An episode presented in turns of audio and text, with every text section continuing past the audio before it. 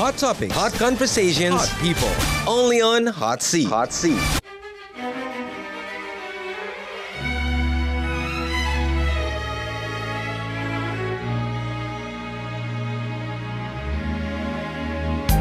Di hari ini kami sudah kehadiran tamu yang pasti udah nggak asing lagi di Indonesia nih beberapa listeners. Beliau sering kali kita lihat di layar lebar maupun layar kaca sebagai presenter olahraga dan juga hiburan. Ganindra Bimo. Hai hai.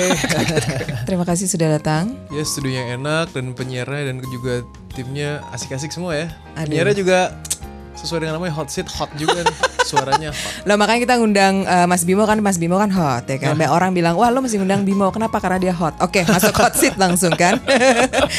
Namun sebelumnya eh, mau selamat dulu nih kepada Mas Bimo. Filmnya udah tayang Terima yang kasih. eh, berjudul Pariban. Tadi kita off air sebelum kita mulai acara Ya. ini sempet eh, eh, saya nanya nih, Pariban ini apa sih namanya? Coba Menarik sih sebenarnya. Mhm. Pariban ini sendiri itu seperti memiliki arti bahwa zaman sekarang perjodohan. Jadi adat istiadat dan juga budaya Batak tentang Oke. perjodohan yang bisa dijodohkan dengan sepupu sendiri, bisa jadi sepupu kandung atau sepupu jauh. Oke, tapi s- eh, maksudnya ini emang tradisi Batak ya? Memang adat istiadat dan juga budaya Batak dan masih ada sampai sekarang bukan masih ada, Mhm. akan selalu ada gitu karena ini kayak terah atau kayak legacy yang harus dijaga juga Oke. di budaya Batak. Ada kesulitan nggak pas memerankan film ini? Maksudnya kan eh, Bimo sendiri tadi bilang orang Jawa. Ini kan maksudnya ke dalam adat Batak kayak begini terus ada adaptasi mungkin agak logat-logatnya gitu gak sih? iya iya iya menarik sih ketika ditawarin film ini sendiri sebelum ngomongin soal karakternya ketika ngomongin soal Pariban sendiri mungkin banyak orang yang masih sama Iya. seperti saya atau juga anda juga kan bingung juga ketika Pariban tuh apa sih bukan betul. secara secara nggak secara nggak langsung ketika ditanya Pariban hah Taliban? Hah film perang? Hah apa? Itu kan yang terjadi sekali-kali. Tapi ternyata oh Iya. Ternyata ini beda ya? menarik sekali ya premisnya premisnya tentang bahwa orang Batak tidak akan pernah mungkin jomblo karena sudah pasti ada jodohnya dari sepupunya. Oh gitu. dan soal ngomong iya ya kan Gak pernah jomblo ya. Coba Nah, jomblo karena- baru listeners yang Batak bener gak tuh? Gak coba jomblo. karena karena hasil research sih kayak gitu bilang ya aku gue sih masih punya pariban gue sih ada pariban ya Oke. bahkan pariban gue sih udah pernah nikah cuman masih ada satu pariban gue berarti kan banyak banget tuh Iya iya iya. Yang Itu yang dijodohin. Pariban ini.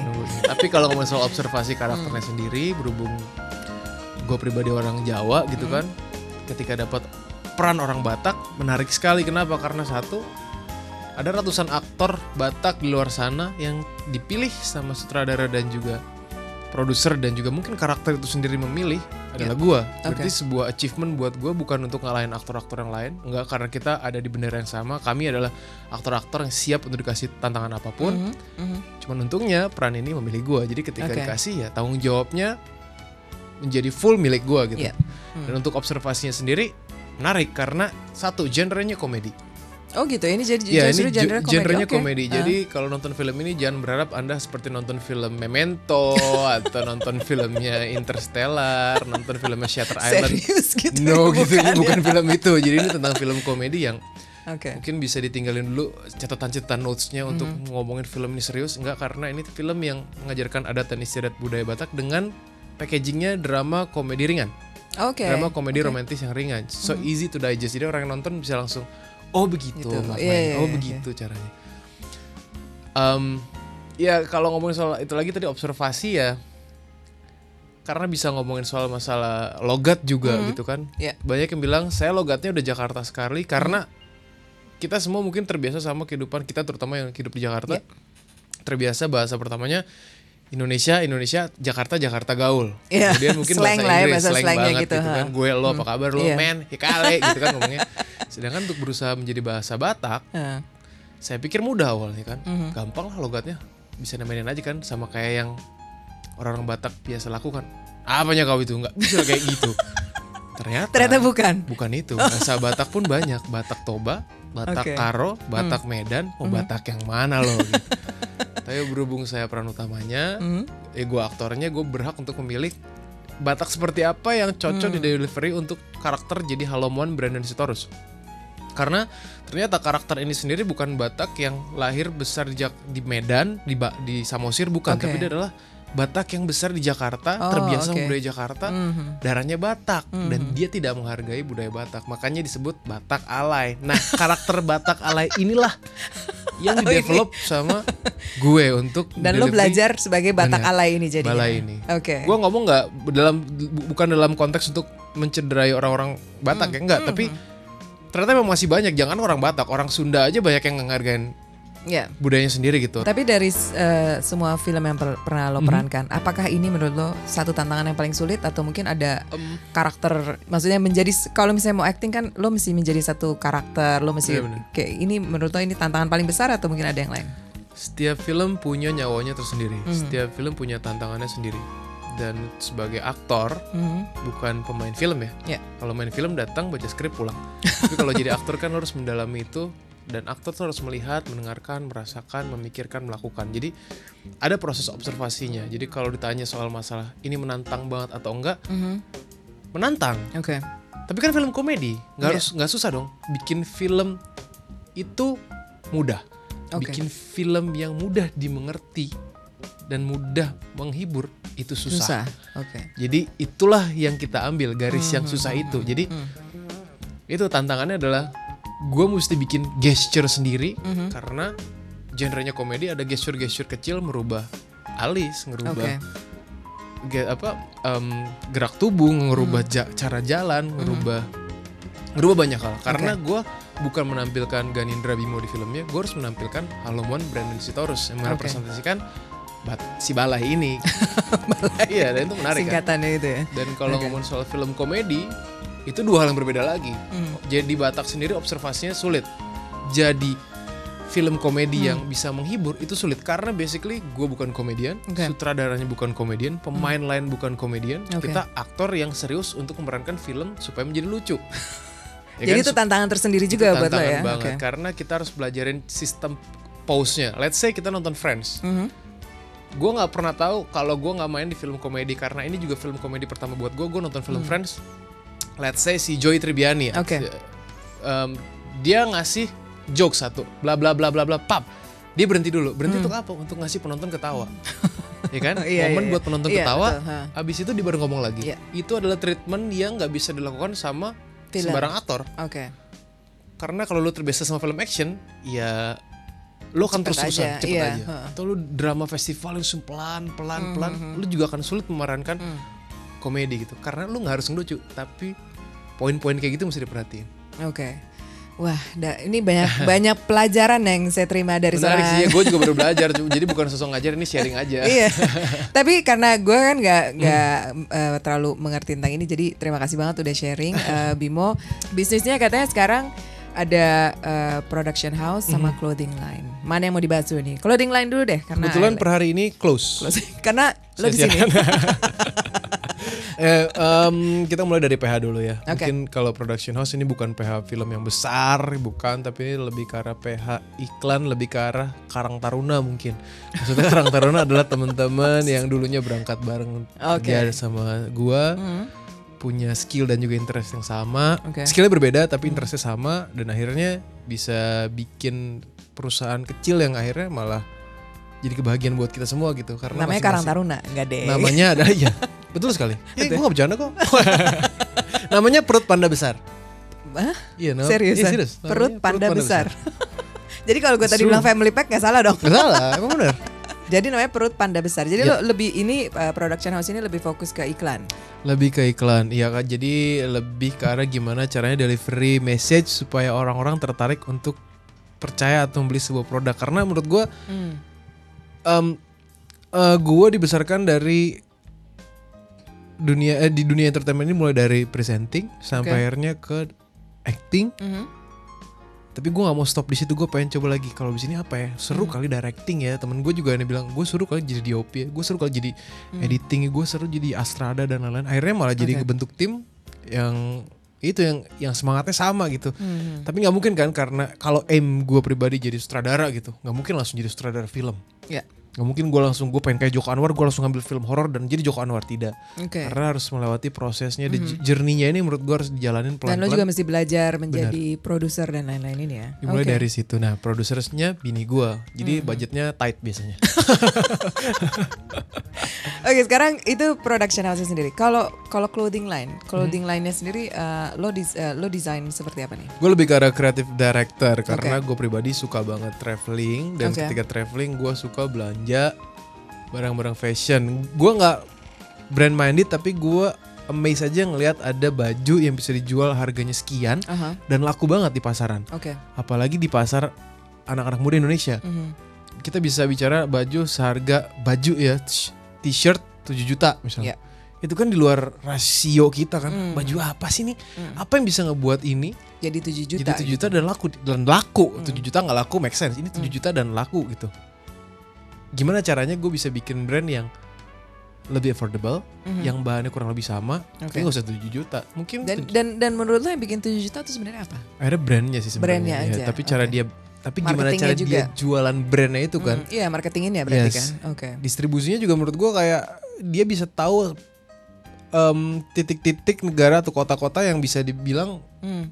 punya fans setia, fans loyal Oke. gitu. Bahkan ada gap generasi yang diganti-ganti. Kayak dulu bapaknya bapaknya koleksi satu brand, mungkin turun ke anaknya gitu dan itu Oke. bisa di maintain terus sama brand-brand Hmm, besar hmm, kayak hmm, gitu. Nah, hmm. gue pelajarin itu tanpa ada pikiran dulunya untuk bikin se- bikin brand atau clothing line sendiri. Oke. Sampai akhirnya gue pikir ngapain ya beli-beli ini terus nggak jadi apa-apa. Hmm. Jadi deh kita jadiin sesuatu aja dan puji Tuhan sekarang running. Oke. Dan itu eh, nama eh, brand clothing line lo? Panda I kecil? Wear Zule. Nggak, namanya I Wear Zule. Jadi temen gue namanya si Zul, temen Hmm. orang Bandung. Oke. Lagi bercanda-bercanda namanya apa ya? Jangan pakai nama gue deh. Gue bilang kalau Bimo tuh brand Jawa banget. Gue bilang kalau Hmm. Zul kayak keren bercanda dari bercanda-bercanda dari tongkrongan. Hmm. Tapi akhirnya jadi brand yang udah viral tiga kali, udah Oke. sekarang followersnya udah sekitar 230 ribuan dan harganya affordable. Jadi please dibeli ya teman-teman.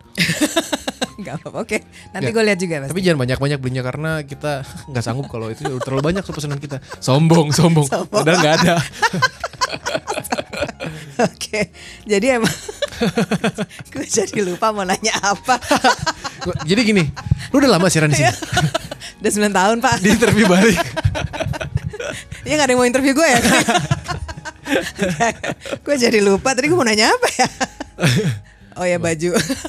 Tadi bercanda. Baju ya kalau ngomongin soal Iya, si iya. Aur Zula sendiri menarik ya menurut gua karena gue bisa bekerja sama sama semangat anak-anak muda di Bandung Ya. dan itu awalnya gua lihat-lihat boleh ngomong brand gak sih di sini kayak Boleh dong. kan gue jalan-jalan keluar ngeliat Supreme ngeliat Hmm. Off White Iya. ngeliat kenapa Virgil Abloh bisa begitu Hmm. mendunia lewat karyanya yang cuma pakai tanda kutip ditulis doang gitu Iya. apa yang ngebuat itu jadi terkenal sih Hmm. kenapa kita orang Indonesia nggak bisa bikin kayak gini sih at least nggak usah mendunia deh coba se Asia dulu Iya. itu mimpi setiap orang pasti punya mimpi kan Mhm. akhirnya Oke. gue coba aplikasiin ke teman-teman gue dan ya itu running pelan-pelan pelan-pelan tanpa disadarin jadi besar setelah sekarang kurang lebih enam tahun Oke. jadi besar tanpa di, di- dibuat gitu tapi karena kita running aja seneng aja ngejalanin dari situ gue beranak bikin brand-brand kecil lagi yang lain-lain untuk Oke. untuk segmentasi yang berbeda Jadi sebenarnya mungkin eh, lo nggak cuman pengen ber, berhen- bukan dalam artian berhenti berakting, cuman lo pengen meluaskan juga kre- kreativitas lo ya kan. Kalau designing dan lo tadi dengan production house bersama teman-teman lo. Oh tadi gue mau bilang ini berarti lo kan lo tadi mention lo lo nongkrong sama teman-teman lo berarti lo anak nongkrong yang menghasilkan ya. Iya Biasanya kan anak nongkrong suka nggak menghasilkan. gue nggak nongkrong kalau nggak ada cuan. Jadi kalau temen gue ada bro kita jalan nih bro acara ini. Ada cuan nggak ada cuan nah gue hidup gue cuan for life. Jadi ya serius gue cuan for life banget. Beneran semua teman-teman gue bilang gitu cuan for life. Tapi di saat mereka bilang bro kok lu nggak ke party sih? Tapi gue nggak pernah liat lu di bank juga men. Kalau gue sih bolak balik ke bank jadi sorry ya. Ya kan my pointnya I get your point. Iya. Berarti ya anak-anak jalan ke party kalau gue bolak balik ke bank bayar utang kreativitas ternyata mahal ya. Tapi gue mau nanya deh, kenapa di kalau misalnya gue lihat iklan di di Indonesia, gue mau balik ke ke production house ini karena lo bilang tadi kan lo bikin iklan. Kenapa di sini kalau misalnya orang makan, orang minum, mereka tuh harus kayak merem-merem gitu. Itu kenapa sih? It's not realistic kalau menurut gue. nggak realistik tapi mungkin itu salah satu bentuk hiperbola yang bisa ditawarin lewat visual menurut gue Karena gue kalau ngeliat gini yang Kenapa sih? Gitu. Ya lu makan kayak, "Hmm, oh this is nice. Gitu kan bisa juga kayak gitu, ekspresi yang lain. Kenapa harus kayak merem gitu? Gue yang kayak, gue coba makan merem, eh supnya jatuh gitu kan.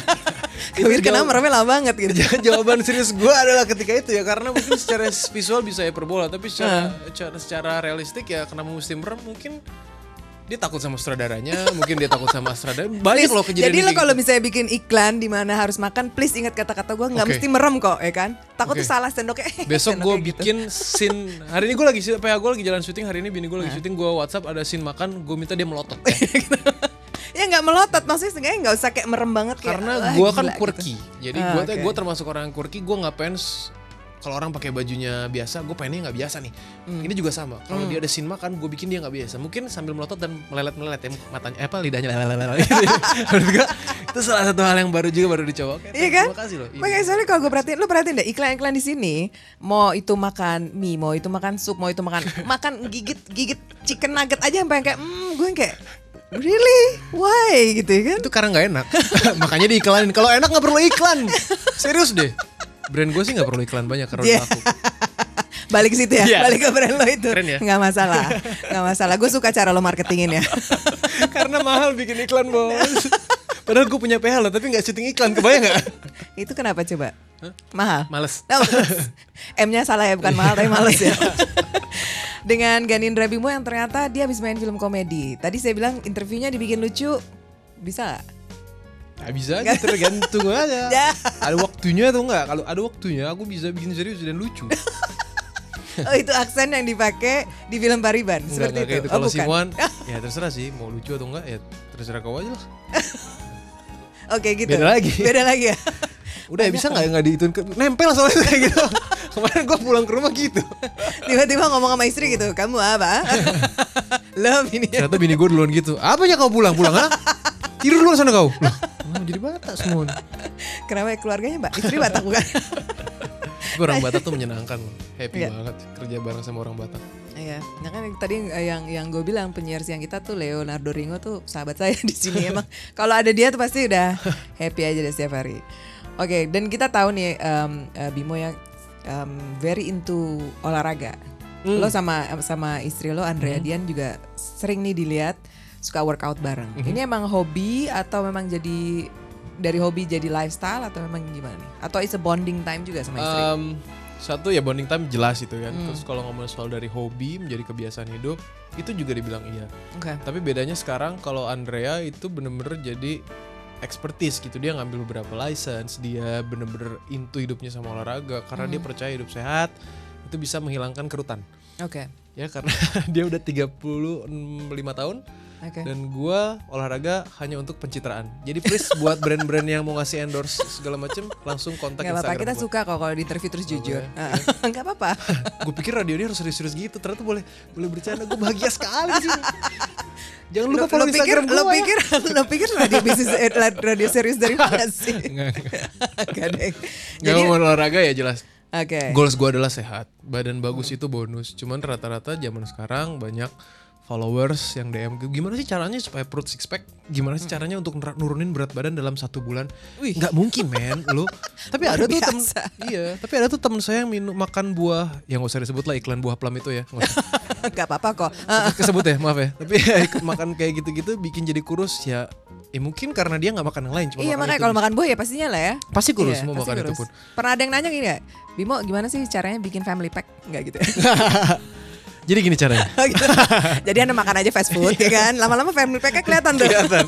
Tapi sekarang yang ngetren kayak gitu lagi. nggak apa-apa, yang penting sehat. Punya family pack nggak apa-apa. Karena Hmm. Iya. six pack itu ses- sesungguhnya hanya untuk karena sekarang six pack sesungguhnya bisa didapetin dari apps. Apps bisa ya. Apps ada kan sekarang how to get six, Six pack packs. in phone apa in Iya, Instagram atau enggak, atau enggak dengan makeup shading bisa juga loh. Itu yang- terlalu ribet ya Oh, kalau pakai apps lebih bagus. Kan dia family pack nih ya kan. Kalau Eva karena dia lagi hamil. ya, tapi kalau zaman sekarang itu banyak intinya balik lagi ngomong soal olahraga, Hmm. banyak yang pengen terlihat badannya sempurna, padahal kan belum tentu sehat. Hmm. Banyak konsumsi obat-obatan yang salah atau bahkan sampai steroid gitu kan. Oke. Mereka menurutnya menurut gua mendingan harus mikirin olahraga merupakan investasi jangka panjang yang paling murah Hmm. dibandingkan lu ya ikut asuransi oke tapi investasi jangka panjang untuk kesehatan lu dan kehidupan lu adalah hidup lu kan dan dimulai dari mana? Olahraga. Jadi simple kok. sebenarnya sebenarnya kalau misalnya kalau gue bisa menarik kesimpulan sebenarnya orang kalau misalnya mau mulai olahraga atau mau kurus atau apa yang penting mindsetnya dirubah. Benar. Menjadi lo sebenarnya lakuin ini untuk kesehatan juga. Itu pak. Gue Bener. menurut gue itu paling penting. Sementara di umur gue yang udah 40-an ini gue ngelihat kayak gue mesti olahraga masa sih kok kayak 30 enggak kayak 23 ya kayak 23. Kalau gua kan jelas kalau gua dari umur 17 kayak 35. Jadi sekarang gua awet tua. Pas umur gua 35 semua orang tahu lu 35 kan. That's true my friend.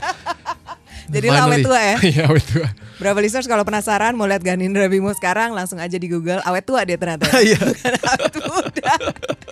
Karena memang maksudnya apalagi kalau udah masukin masuk ke dalam ya even 30-an gitu Mhm. 40-an itu pasti juga olahraga harus dirubah mindsetnya kayak ya gue mau hidup sehat aja sih. Bener, apalagi harus sadar juga dari dalam diri sendiri gitu kan kalau sudah kan ada tuh teman-teman gue juga ada yang kalau lagi syuting dan lain-lain makannya sembarangan. Ya. Karena gue tahu umur mereka masih ABG gitu 18, 20. Tapi percaya deh umur 25 ke atas terutama perempuan itu metabolismenya udah Oh, gua semakin percaya. melambat. Gue percaya. Iya gitu gue percaya dan banget. ukuran nggak usah lingkar pinggang ya ukuran lengan deh itu Iya, pasti iya. berubah. Hmm. Tapi Iya, don't worry itu kan bisa diatasi gitu. Kalau lingkar pinggang, lingkar paha dan lain itu kan bisa olahraga. Tapi untuk masalah kesehatan itu juga lebih concern sih gue. Iya betul. ha. Let's say detak jantungnya atau heart rate-nya udah nggak normal itu yang lebih concern buat gue Hmm. daripada lingkar pinggang dan lingkar tangan itu sih ya Iya Lebih- itu lebih itu mudah. sesuatu yang, yang masih bisa inilah ya maksudnya dengan waktu benar. dengan olahraga yang teratur itu masih bisa. Dan kalau olahraga gue percaya gue dulu gue gue dulu olahraga cuman kalau lagi pengen Hmm. Karena akhirnya gue tahu itu jadi kebutuhan hidup dan ternyata ngebuat gue lebih happy mood booster gue setiap hari Hmm. jadi gue setiap hari bangun pagi untuk ngus ngusahain olahraga Oke. bangunnya susah tapi once sudah olahraga itu Iya. hormon endorfin kan diproduksi tuh Iya. jadi kita lebih bahagia lebih Hmm. seharian tuh kayak ya happy, Happy aja, aja. gitu Hmm. kecuali transferan telat ya itu pasti agak itu mau olahraga sampai jompo juga, susah itu susah tuh ya. jadi Tetap udah aja. jadi gue di sini ditransfer sekarang apa besok aduh Oh ada ya? Baru oh ada ya ternyata nggak ada ya oke thank you ya Ada kalau di sini nanti kita masih masih manual kok, mesti tanda tangan gue nasi kotak happy kok nggak apa-apa deh gitu ya. Udah dianjurkan jempol sama produser, berarti kita berarti kita dulu. siarannya keren ya Ya. oh nggak tuh Kok udah- cuma udah- cuman udah. one thumb, bukan two thumbs up ya? Oke. eh masih nggak ya berkabur? Masih dong. Gue dari tadi amazed loh sebelum setel piano kan. Gue Iya. pikir kan itu bumper. Ternyata di ujung sana orang main piano beneran ya. Ini back soundnya operator kita lagi main Iya, piano keren Berto. banget ini back soundnya gokil. Diam-diam Berto main piano, luar biasa Keren, ya. Oke, tadi kita udah ngomongin Sepanjang interview main piano. Ini nih. Kita memang manggil spesialis kayak gitu. Buat hot seat doang. Karena yang datang hot semua. Kecuali gue hari ini ya. Gue yakin produsernya nyesel. Enggak kok. Pas pas ditanya, "Far, eh, hot seatnya siapa?" Lo semua pada setuju kok. Oh, hot banget gitu kan. Oke, kita Google langsung. Damn. Damn salah. Damn. Gue mau ngomong itu. wrong person. Damn gitu. Cuman pastinya di gue mau nanya nih dengan banyaknya fans yang lo punya atau mungkin followers dan lain-lain ada nggak sih pernah nggak sih lo dapet kayak misalnya sesuatu yang paling aneh dari fans ada yang mengirim kah atau say something yang lo kayak wah gitu Banyak sih sebenarnya kalau ngomongin Hmm. soal fans malah dari mulai yang unik sampai yang mood gue dah gitu kayak Iya, iya. banyak banget. nah gue pengen dapet yang yang dah itu apa tuh Yang itu naked. Banyak Oh. banget yang kirim-kirim naked naked gitu serius gue. oke Kalau cewek masih nggak apa, kalau cowok itu loh. Men, mungkin salah sasaran sih menurut gue. jadi lo sebenarnya nggak lo nggak discriminate lah ya Enggak, enggak. nah tapi kalau oke itu kalau fans kalau misalnya interview lo juga pasti Sama uh, satu lagi tadi yang minjem duit banyak banget, serius gue. eh bener Kak, fans saya besok mau sekolah, mau kuliah belum bayar ini. Oh ya oke, satu, dua, tiga, seribu kan minta duit ke, ke, ke, ke gue semua. Gue bukan menteri, bukan menteri pendidikan gue.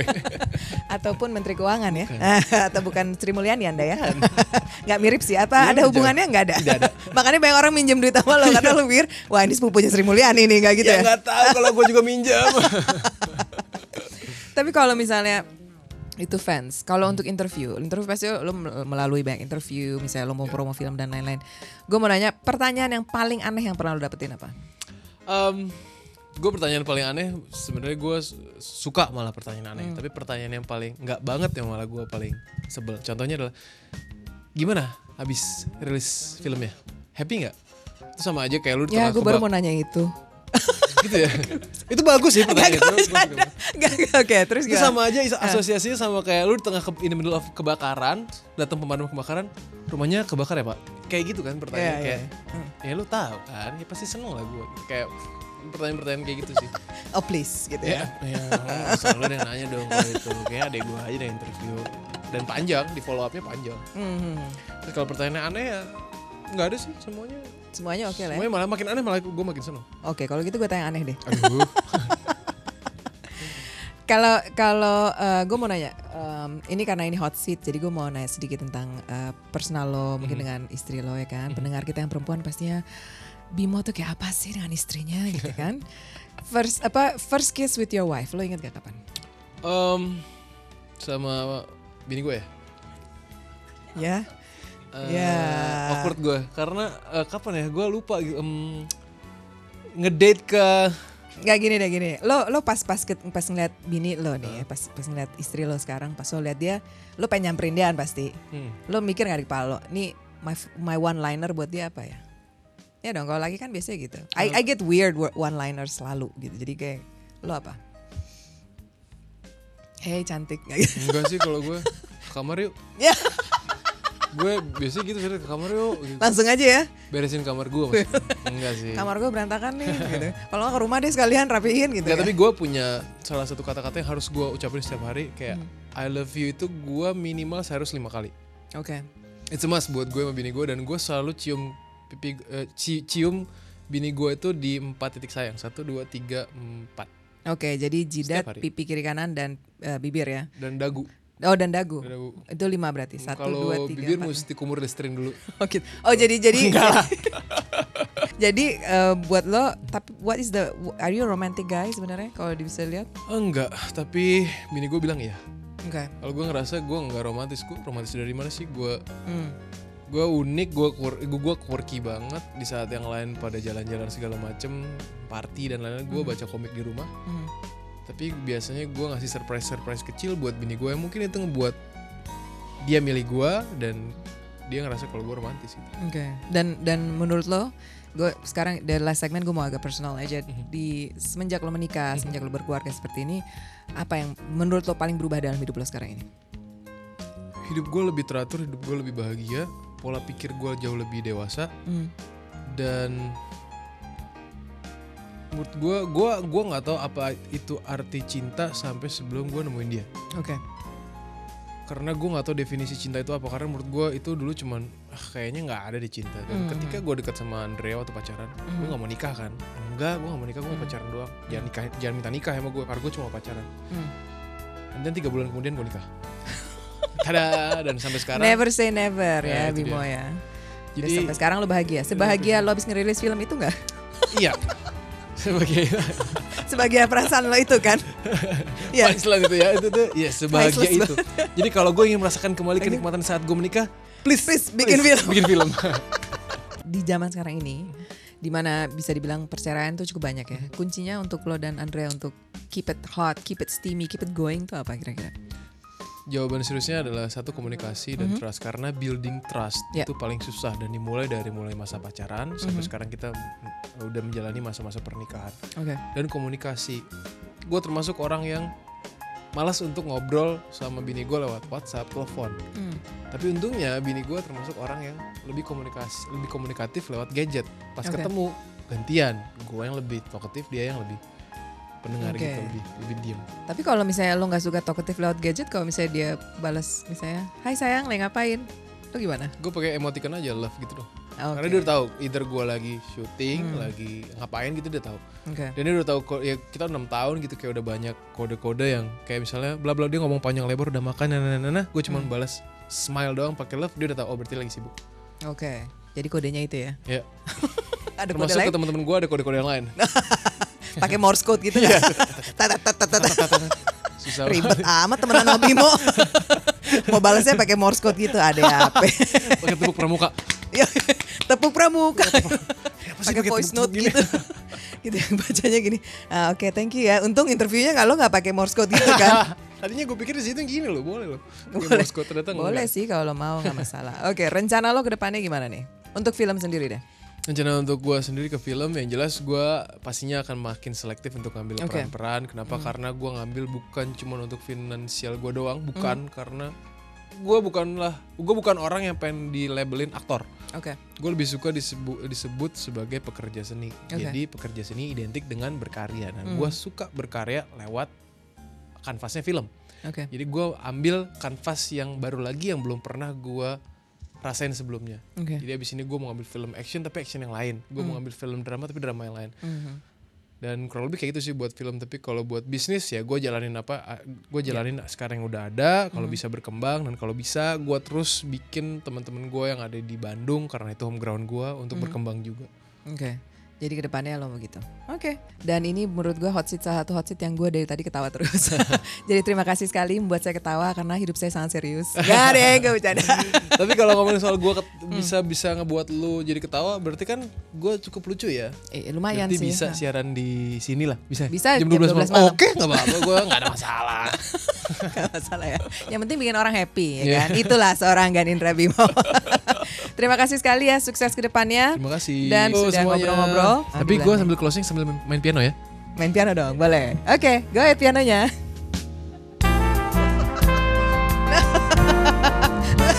Itu trompet. Oh ini namanya saxophone ya, salah gue. Sorry sorry, gue pikir ini piano loh. Suaranya sama ya.